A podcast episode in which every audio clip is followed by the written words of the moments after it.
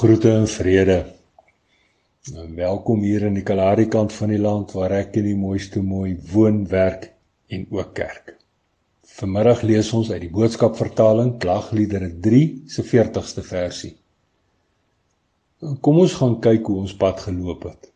Ek dink 'n bietjie na oor wat ons gedoen het. Dan kan ons omdraai na die Here toe.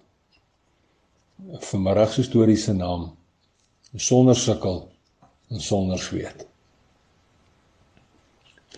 Dit is net ons twee in die plaasbakkie.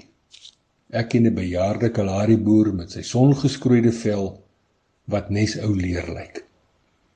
Ons kan nie te vinnig ry nie want die tweespoor paadjie is behoorlik uitgery. Die oom se etsblou oë dans rusteloos oor die diep droë duine wêreld terwyl ek stip voor my uitstaar want ek dink ek dink diep Ek dink baie diep oor alles wat hy vroeër vanmiddag by die skaapkraal se geroeste hek gesê het. sien, die plaaswerkers moes gaan skaap bymekaar maak en hy het so 'n stukkie saam met hulle geloop. En net voor die eerste duin het hy kortom gedraai en by my langs die skaapkraal se hek kom staan. Jy weet pastoortjie, ek dink dit is moeilik om hel toe te gaan. Ek dink regtig dit is baie moeilik. Het die oom gesê terwyl hy wyd oor die vlak staar. Hoe hoe bedoel oom dan nou? Vra ek sonder om te dink, want hierdie opmerking het my heel onkant gevang. Kyk man, dit is soveel makliker om by die hemelse poorte in te gaan as wat dit is om die ewige verderf as adres te hê, sê hy heel rustig. Ek het hierdie saak van alle kante en hoeke bekyk en bedink. Dit gaan verseker baie meer vasbyt en vasstrap vat om in die hel te land as om hemel toe te gaan. amper soveel sweet en sukkel soos om oor daardie hogere duin daar agter met een been te spring. En sommer net daar was my dink op en vasgevang in sy woorde. Veral omrede ek van mening is dat om hel toe te gaan regtig baie maklik is. 'n Mens hoef mos absoluut niks te doen om daarop te eindig nie. Ek is heel verstom en diep verbaas. En die Kalahari boer met die laphoetjie laag oor sy vork opgetrek, hy sien dit. Dink 'n bietjie mooi. Om hel toe te gaan, sal jy jou eie gewete se nek moet omdraai. Jy sal moet vasbyt en deurdruk om moetswillig elke sekonde van elke dag aan te hou met die verkeerde goeters. Verkeerde goeters soos om te leef asof ons se Here nie bestaan nie of hy ook nie met jou wil praat nie.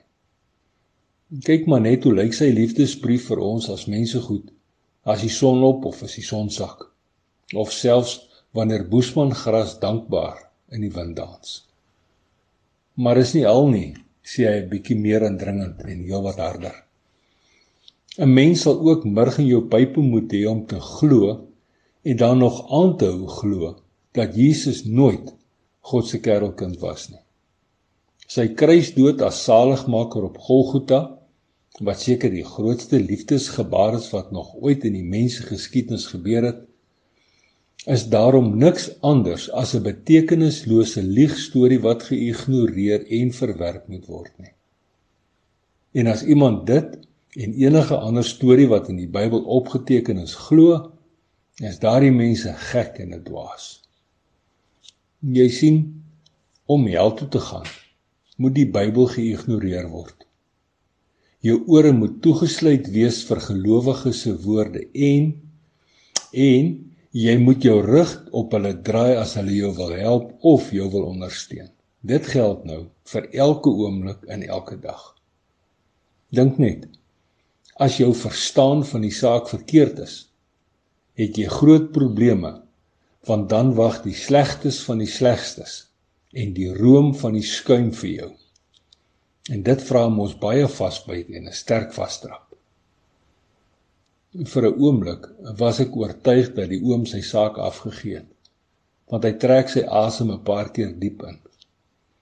Stadig aan bekruip 'n sagte glimlag sy sonverskroeide gesig terwyl 'n kalmte en 'n rustigheid hom soos miswolke omvou. Maar maar om by die hemelse poorte te mag in is die maklikste ding denkbaar op stofaarde om te doen. Jesus en net Jesus alleen het die volle kruisprys betaal en dis genoeg sê hy saggies. As jy Jesus kies en spore in sy spore los, het jy genoeg want Jesus is genoeg. Net voor die ou plaasbakkie die voorlaaste groot sandduin stormloop, besef ek dat hierdie sout van die aarde kalari boer tog miskien maar reg is. Om hel toe te gaan is harde werk.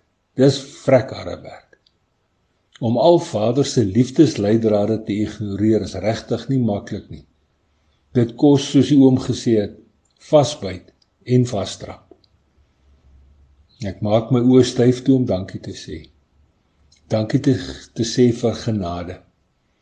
Onbeskryflike en oorvloedige genade wat vrylik beskikbaar is vir alle mense goed. Mense goed wat bereid is om Vader se liefdesleidrade en liefdesgebare raak te sien en ja natuurlik ja te sê daarvoor sonder sukkel en sonder sweet.